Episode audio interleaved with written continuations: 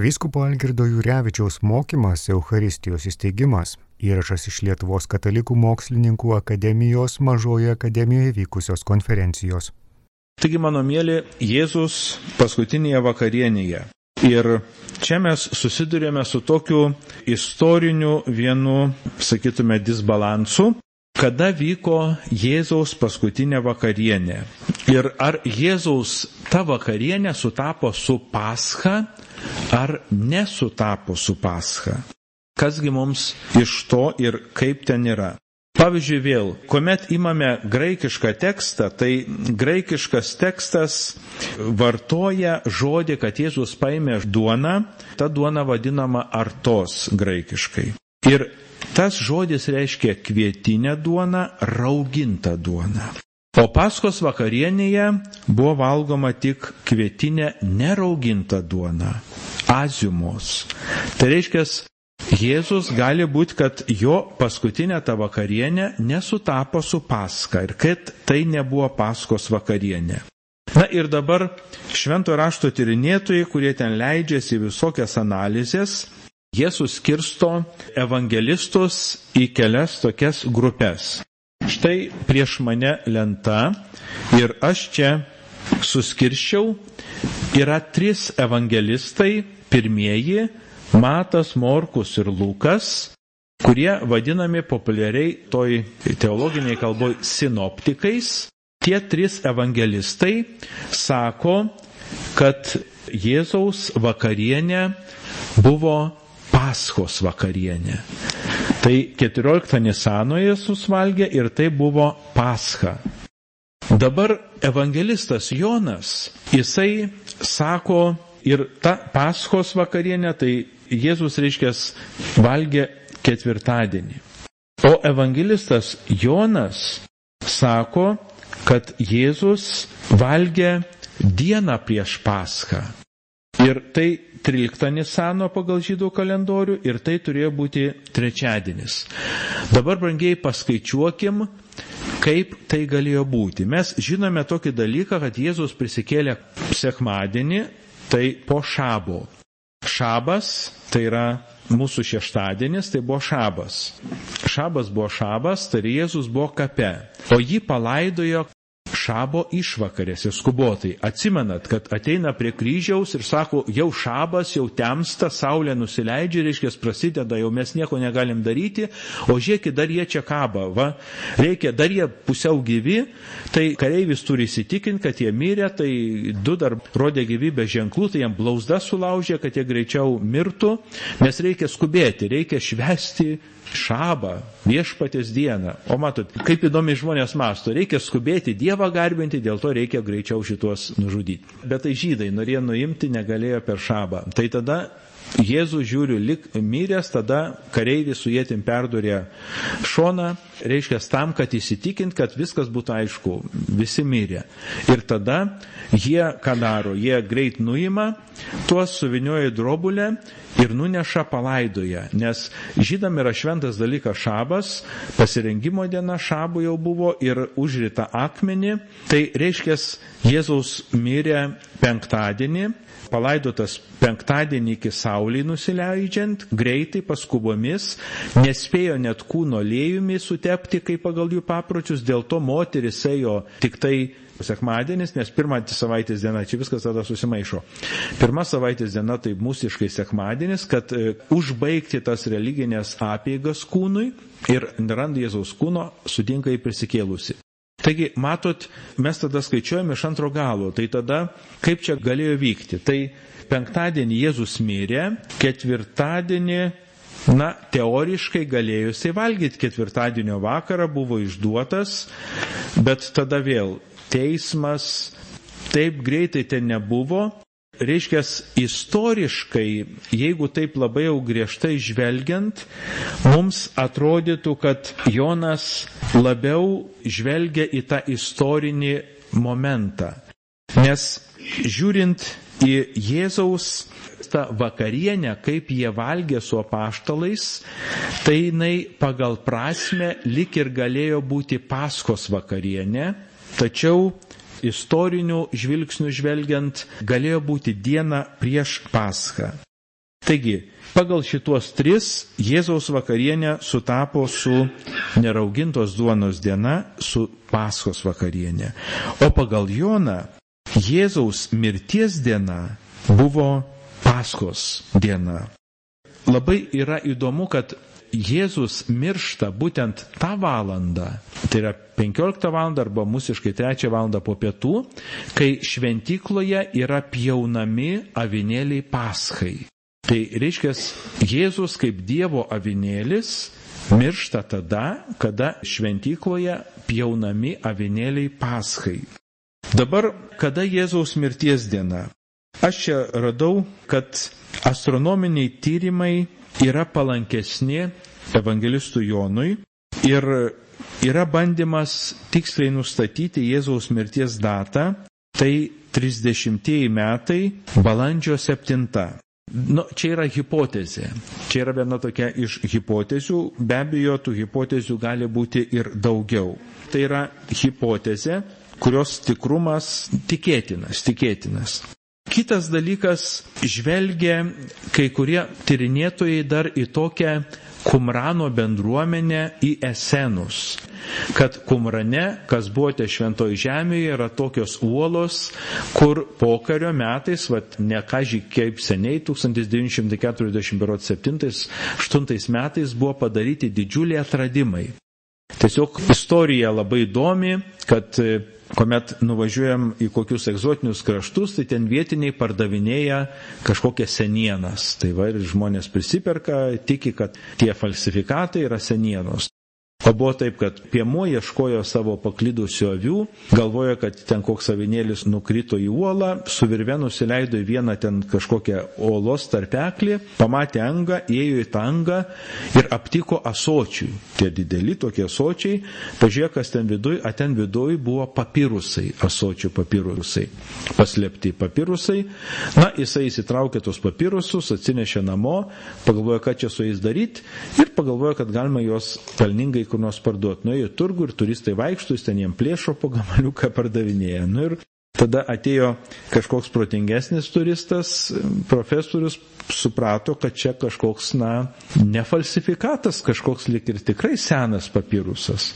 Nu ir tada pričiupo tą piemenį ir jisai parodė. Ir Kumrane buvo atrastos uolos ir buvo atrasti labai labai seni rankrašiai Senojo testamento knygų, taip pat ir labai mažytis berots Morkaus Evangelijos sužetas, labai mažytis, jau ten vos belikėtas, nes šie papirusai išsilaiko labai nedaug, apie 120 metų. Bet kadangi ten gulėjo asočiuose, buvo be oro, apipilti smėlių, nebuvo drėgmės, Tai čia yra tiesiog stebuklas, kad jie išsilaikė.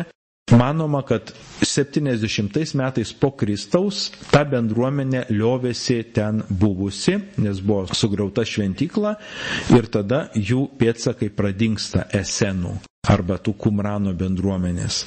Taigi daug yra spekulacijų apie Jėzaus ryšį su Kumprano bendruomenė.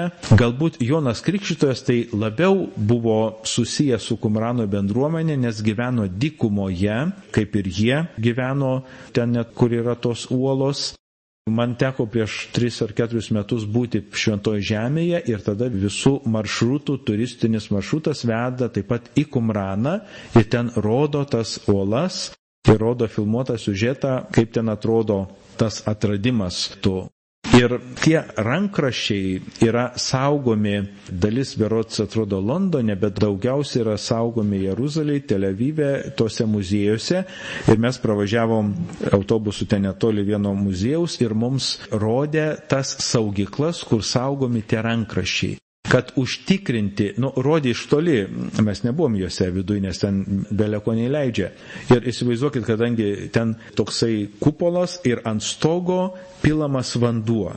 Per tą skardą bėga vanduo, kad nuolat vėsintų, nes labai karštas klimatas ir ten viduj, kurie yra, kad tas pastatas neįkaistų, kad jie, na, nesunyktų. Tai toks labai įdomus retas dalykas. Mus pravežė, parodė, kad ten saugomi tie rankrašiai, pilamas ant stogo vanduo, ten jau sauga didžiulė ir, ir taip toliau. Tai va toks įdomus dalykas, kad atradimai vyksta, bet ta bendruomenė, jinai vadovavosi Saulės kalendoriumi, kumraniečių bendruomenė, ir jie valgė paskos taip pat vakarienę, bet dieną anksčiau.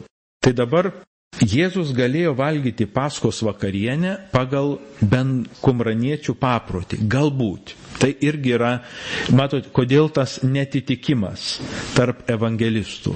Pagal vienus jau paską, pagal Joną dar diena iki paskos. Bet mums iš tiesų neužtenka vien tik istorinės perspektyvos, bet mums labai svarbu išvelgti ir į teologiją, ką evangelistai norėjo to pasakyti. Pavyzdžiui, šitie evangelistai, sinoptikai, Matas, Morkus, Lukas, jie aprašo, kad Jėzus vakarienėje pats yra avinėlis. Ten mes nerandame, kad jis avinėlį valgytų, bet jis pats yra avinėlis, nes duoda mokiniams pats save. Imkite tai mano kūnas, imkite tai mano kraujas.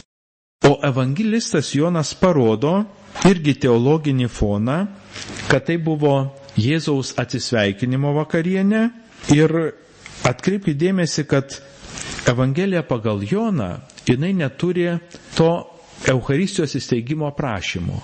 Bet kas yra? Jėzus plauna kojas, valgo vakarienę, ten nėra parašyta, kad imkite tai mano kūnas, gerkite tai mano kraujas. Ir Jėzus labai labai ilgai kalba paskutinės vakarienės metu. Yra ilgos Jėzaus kalbos. O Žodis paska reiškia perėjimą.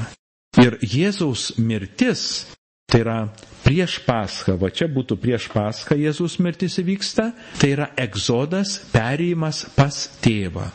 Ir paskutinės vakarienės kalbose Jėzus daug kartų sako, aš einu pas tėvą, jūs liekate, bet nepaliksiu jūsų našlaičiais, nuėjęs pas tėvą, aš atsiųsiu jums dvasę, kuri ves jūs tiesos pilnatvę. Po to sako, meldžiasi už vienybę, dangiškasis tėvė, išlaikyk juos, kad jie būtų viena, kaip ir aš tavyje, tu manyje. Reiškia, Jėzus vakarienės metu bendrauja su tėvu, jis meldžiasi. Ir Jonas visas tas Jėzaus kalbas yra užrašęs. Todėl jam Jėzus išeina pas tėvą ir išeina būtent per paską, per tą perėjimą. Ta naktį, tą vakarą jis miršta, paskos dieną. Taigi, tarp Jėzaus vakarienės ir paskos taip pat yra daug panašumų. Tai yra kartu ir dialogo pobūdis, kalbama apie išlaisvinimą, apie atminimą, kad tai yra stalo bendruomenė, susėdusi aplink stalą. Iš tiesų, mums, man atrodo, labai nesunku suprasti paskos nuotaiką, nes mes turime kučias. Kitos šalis tokių neturi, bet va, kūčios, tai čia galbūt irgi tokia mistifikuojama, net gyvuliai, sako, pradeda kalbėti ir taip toliau. Visi susirenka, kalbasi, bendrauja, laužo plotkelę, dalinasi, linki gerų metų. Tikrai graži tokia nuotaika, ar ne, prie kučių stalo. Tai vad, tai, ką mes turime per kučias, žydai turi per paschą. Ta prisiminimą, kaip Dievas juos išlaisvino. Aišku, galbūt per kučias pas mus mažai tų išgelbėjimo momentų, bet pažydus yra labai daug. Primenama, kaip Dievas juos gelbėja. Ir stalo bendruomenė taip pat yra labai, na, svarbi.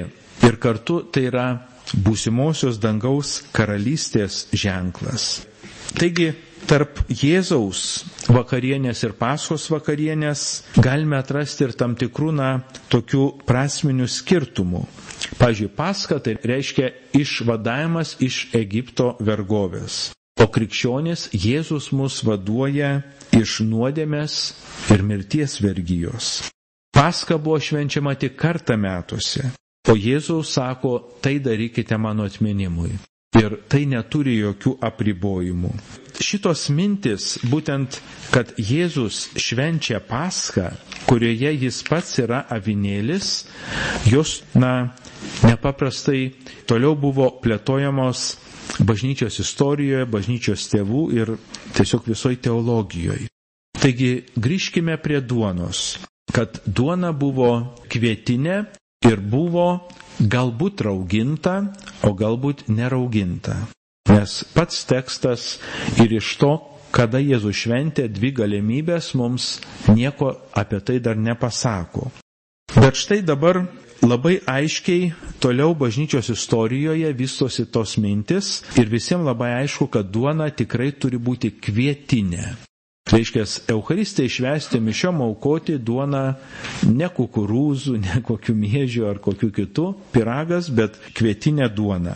Pavyzdžiui, mes atrandame tokių įdomių sąsujų pas kai kuriuos bažnyčios tėvus. Pavyzdžiui, Ignotas Antiochietis, antro amžiaus pradžioje kankinys, jį veža į Romą, plukdo laivu jisai žino savo nuosprendį, kad jis bus ten atiduotas žvėrims sudraskyti ir jisai rašo vienai bendruomeniai. Rašo taip. Aš esu Dievo kviečiai ir būsiu sumaltas žvėrių dantimis, įdant tapčiau grina Kristaus duona. Taigi Dievo kviečiai, kurie bus sumalti žvėrių dantimis. Taigi matome, kad kankinys, jisai žino, kad jau nuosprendis padarytas ir jisai savo tą būsimą kankinystę gretina su Euharistija, su duona, kviečiais, su maltas, kad būtų Kristaus duona. Jo beveik amžininkas, šventasis Polikarpas, Smirnos viskupas, jisai taip pat išgyveno kankinystę, yra išlikęs jo kankinystės aprašymas jo kankinystė buvo truputį kitokia, jau čia buvo ne žvėris, bet jis buvo sudegintas, gyvas. Taigi Polikarpo aprašyme rašoma taip, ne jisai pats, bet kurie nu, kankinystė jo prašo. Jepsnai gavo skliauto pavydalą ir apsupo kankinio kūną. Šis viduje būdamas atrodė ne kaip degantis kūnas, bet kaip kepama duona ar žaizdre žėrintis sidabras. Taigi matome, kad ir švento polikarpo kankinystė yra siejama su duona, kuri yra kepama. Visi šitie dalykai mums daro tokią aiškę aliuziją į Euharistiją, kad ir ten yra duona, kvietinė, kuri yra kepama. Šventasis Justinas taip pat pateikė liūdėjimus, kad per Euharistiją buvo atnešama duona ir aukojamas taip pat vynas ir kad tai nešama prie altoriaus procesijos būdu.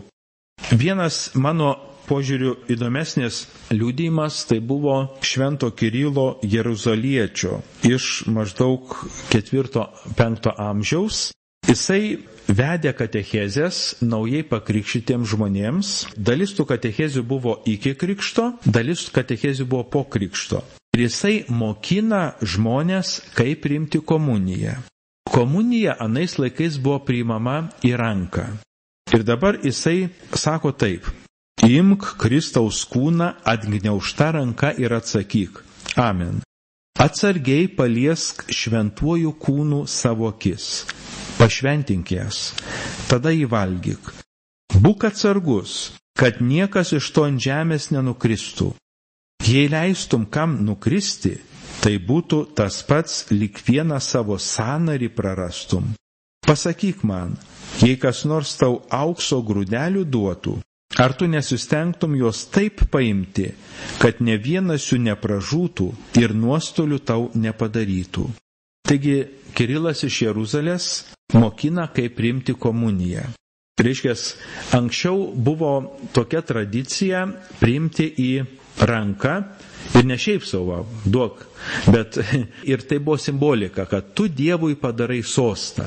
Pavyzdžiui, kairę ranką taip, padedi, padeda tau Kristaus kūną, tada tu dešinę ranką paimi ir priimi. Reiškia, ir kaip sako, pirmiausiai atsargiai paliesk akimis ir pašventink savo akis, kad tu žiūrėdamas į tą Ir jokių būdų saugokis, kad nei vienas trupinėlis niekur nenubirėtų.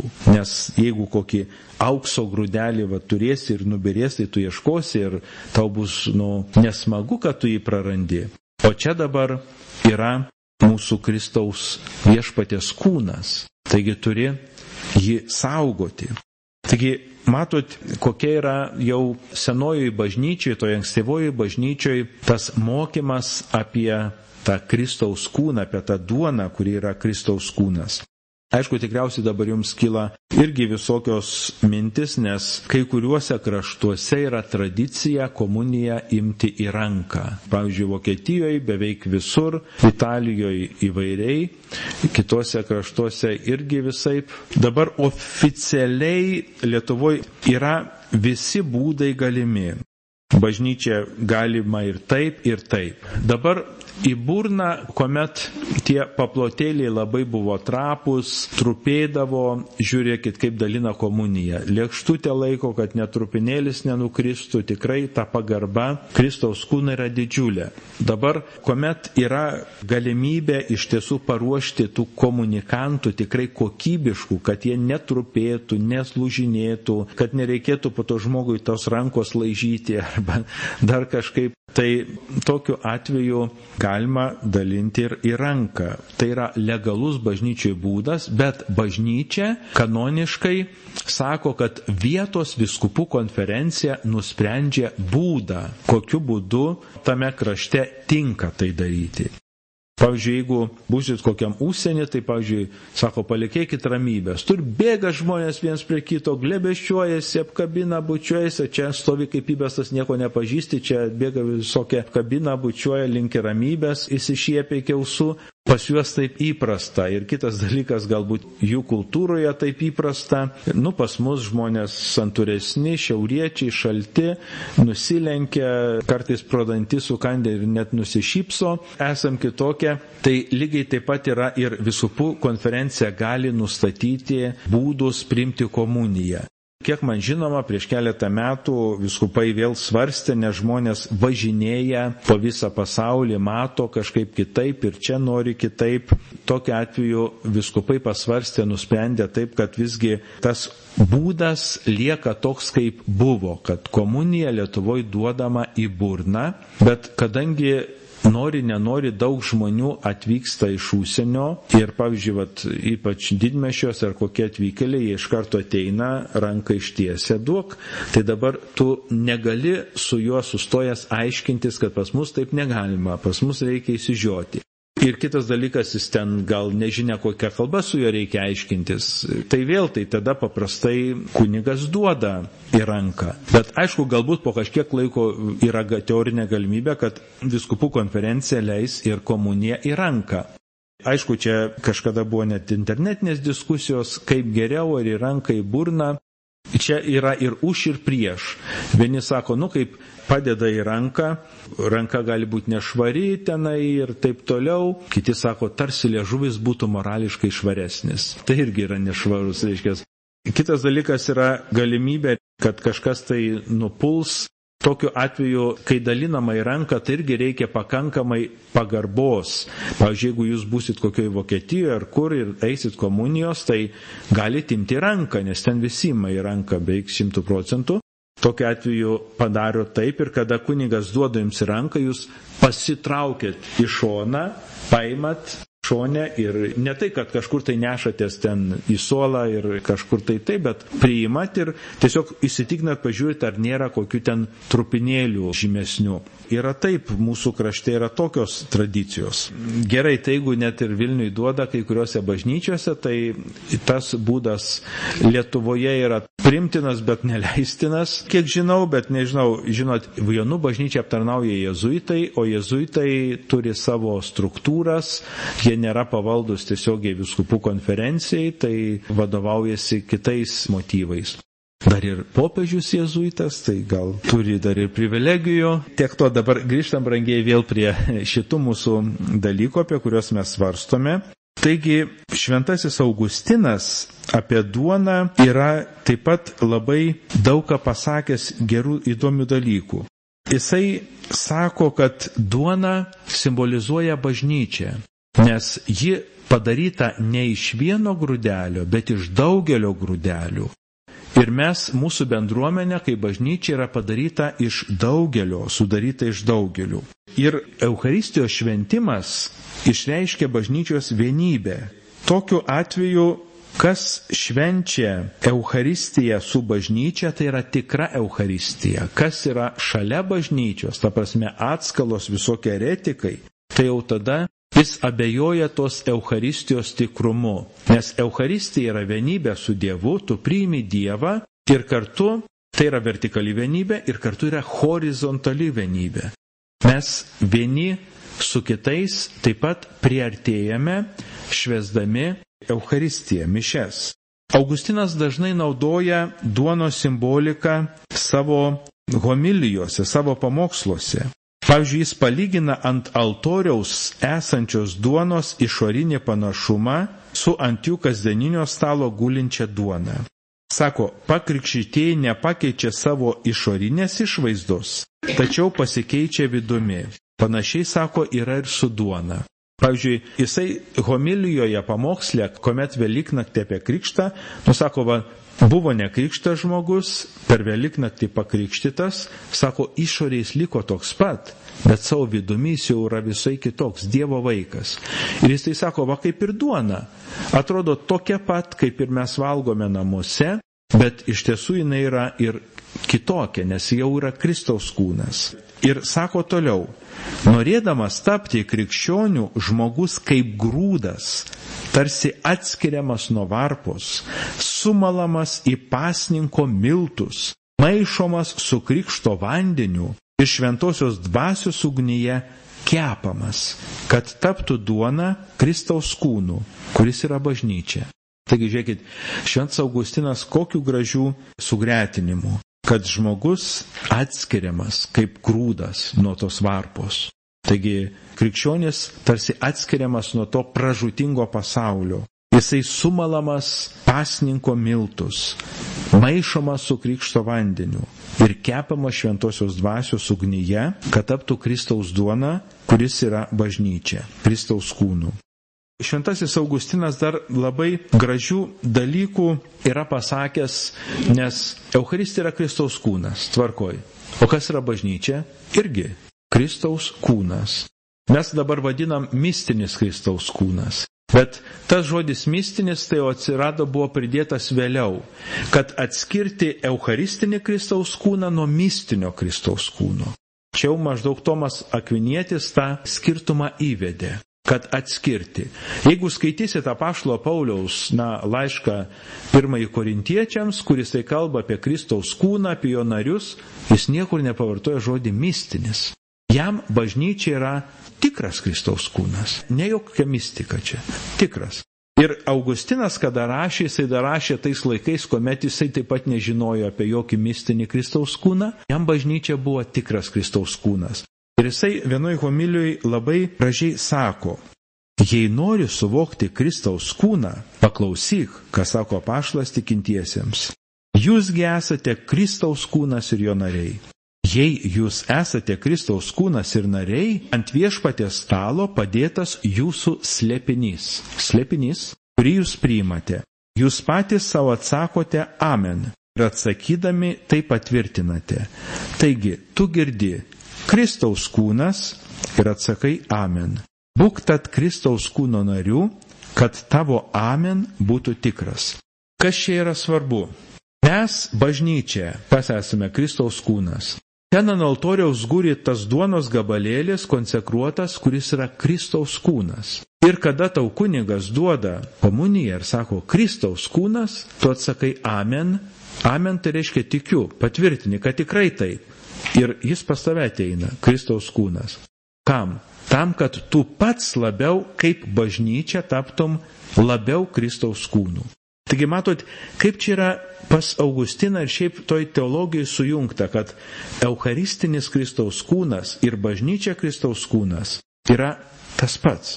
Tu priimi Eucharistiją, kad taptum labiau Kristaus kūnų, aktyvesnis bažnyčios narys. Taigi tavo tokia sąveika, kad Kristus gyvena savo bažnyčio, kad bažnyčia yra Kristaus kūnas, susišaukia su Euharistija, su ta duona, kuri taip pat yra Kristaus kūnas. Ir mes priimame dėl to, kad būtume Kristaus kūnų, labiau Kristaus kūnų. Šventasis Kiprijonas, matydamas, kad bažnyčioje kaip Kristaus kūnė yra visokių negerovių, Nu, žinot, vieni žmonės labiau, kiti tinginiauja, kiti labiau šventėja. Jis ragina tikinčiuosius nenustoti toliau darbuotis bažnyčioje. Jis rašo, Neapleiskite bažnyčios, jei joje pastebime pikžolių. Tik turime dėl to daugiau pasidarbuoti, tapdami kviečiais, kad už savo vargą ir darbą gautume didesnį derlių, kai viešpaties pjūtis bus sugabenta į daržinės.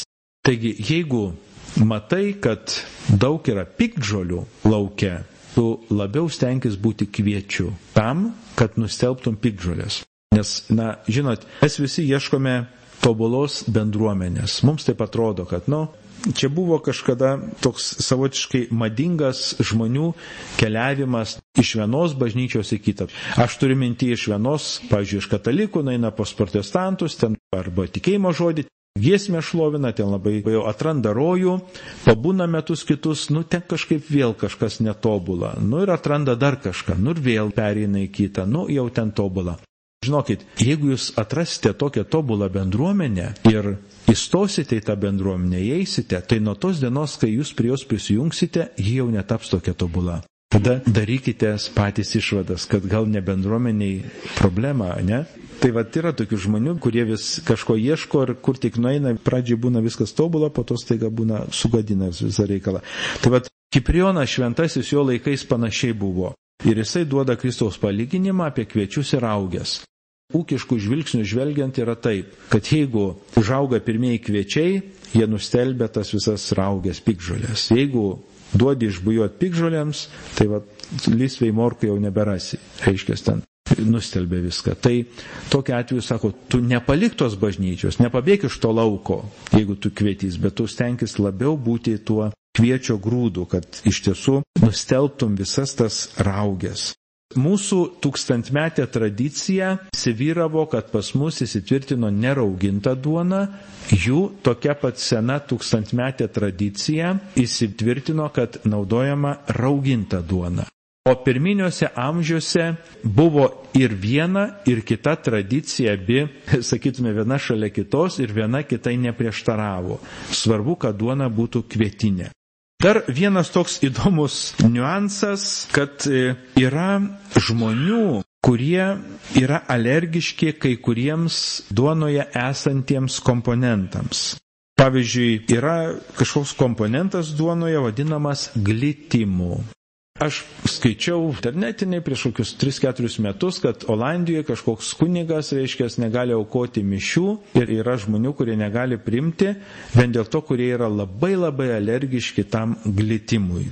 Netgi tikėjimo reikalų kongregacija 1995 metais leido kunigams, kurie serga čia lyga, aš atradau jos pavadinimas Celekė vadinasi, yra galbūt pasaulyje keletas kunigų, kurį negali priimti. Tai tokiu atveju kongregacija leidžia gaminti kažkokią specialią jam duoną, kur pašalinti tą glitimą ir palikti tik kažkokį minimalų jos kiekį.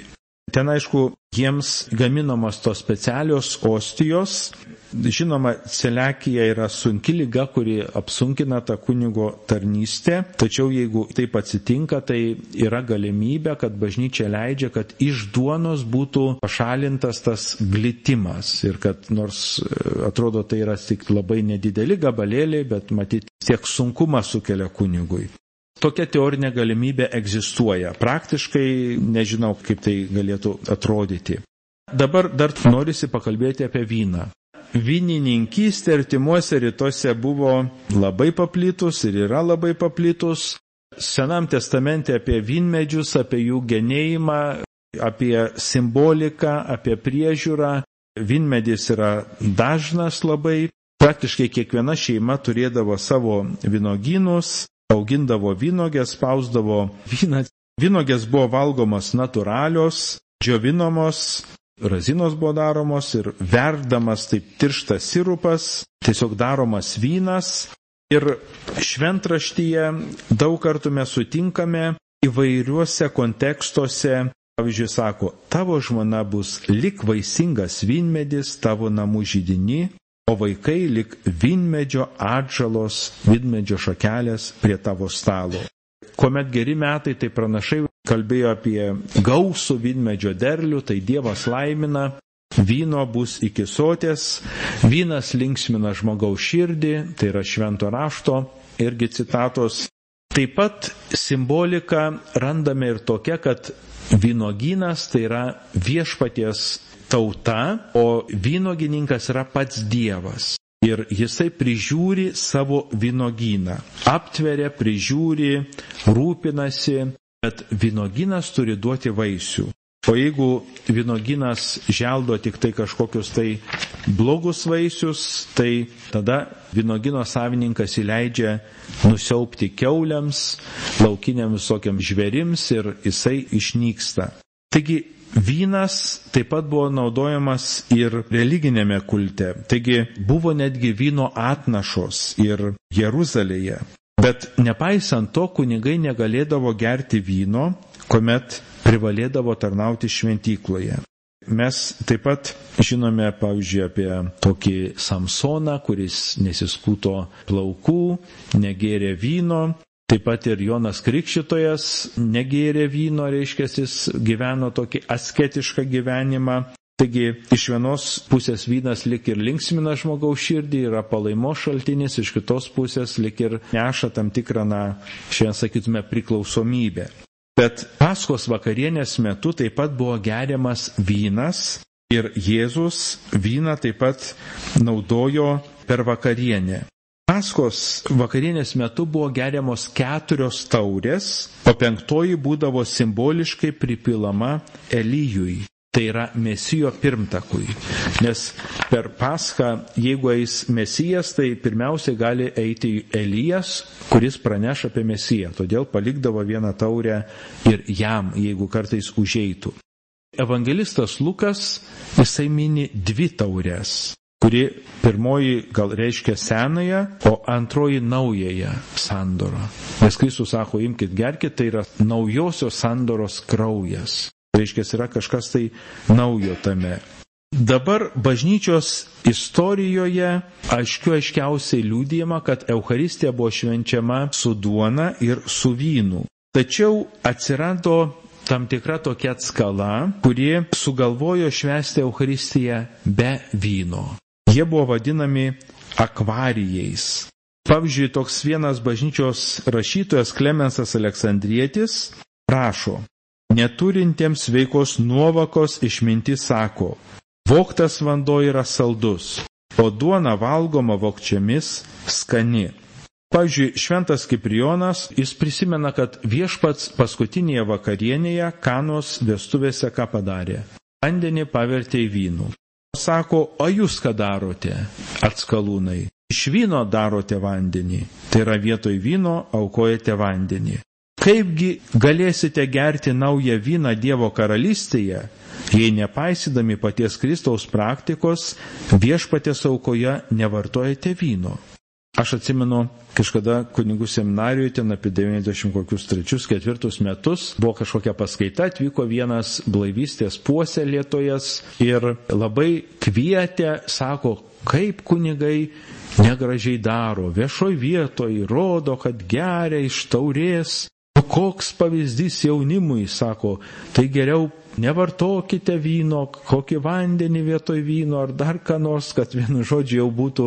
Žmogui atrodė, kad maždaug jeigu jau pamatys jaunimas bažnyčiose, kad negeriama, nenaudojamas vynas, tai jau ir visi tada išblaivės. Tai iš tiesų švesti Euharistiją su duona kvietinė ir su vynu yra pagrindinis dalykas tai yra Euharistijos materija, kuri yra na, nepaprastai svarbi. Komet aš sakau vynas, tai žinokit, aš sakau, kad tikras vynas, vynogių. Nes joks kitas vynas ne vynas. Žinot, pas mus, kai vynogės neauga, tai mes visokių nesąmonių prisigalvojam. Iš serbentų, iš obolių supūvusių, iš ten slyvų, vyšnių, Gerai ten tie tokie gėrimai neblogi ir jie irgi džiugina širdį, bet iš tiesų tai nėra vynas. Tai reiškia, jeigu Euharistijoje švesti tiesiog yra, kad švenčiama Euharistija turi būti vynogių vynas, natūralus. Dar apie vyną daugiau pasakysiu, bet reiškia, turi būti natūralus vynogių vynas. Negali būti serbento, aronijų ar ten dar ko nors, gal ir skanus, bet jis netinka. Ne ta materija. Tai tas pats, kas krikščit su pieno, ne su vandeniu. Ir tada gali tie dalykai negalioti, nes mūsų krašte, kai pas mus neauga vynogės, tai mes visokių kitokių prisigalvojame. Bet šiaip Kristaus ir bažnyčioje naudojamas tik vynogių vynas. Čia yra tradicijų dalykas. Visiems yra labai svarbios tradicijos. Ir va tas labai svarbu, kas yra tradicija. Ar ugnies įputimas, ar pelenų garbinimas. Gali kartais būti, kad pelenai yra svarbesni už ugnį ir tradicijos kažkokios senosios laikymasis svarbiau už iš tiesų nu, ieškojimas prasmės visų tų dalykų. Girdėjote vyskupo Algirdo Jirevičiaus mokymą Eucharistijos įsteigimas. Įrašas iš Lietuvos katalikų mokslininkų akademijos mažoje akademijoje vykusios konferencijos.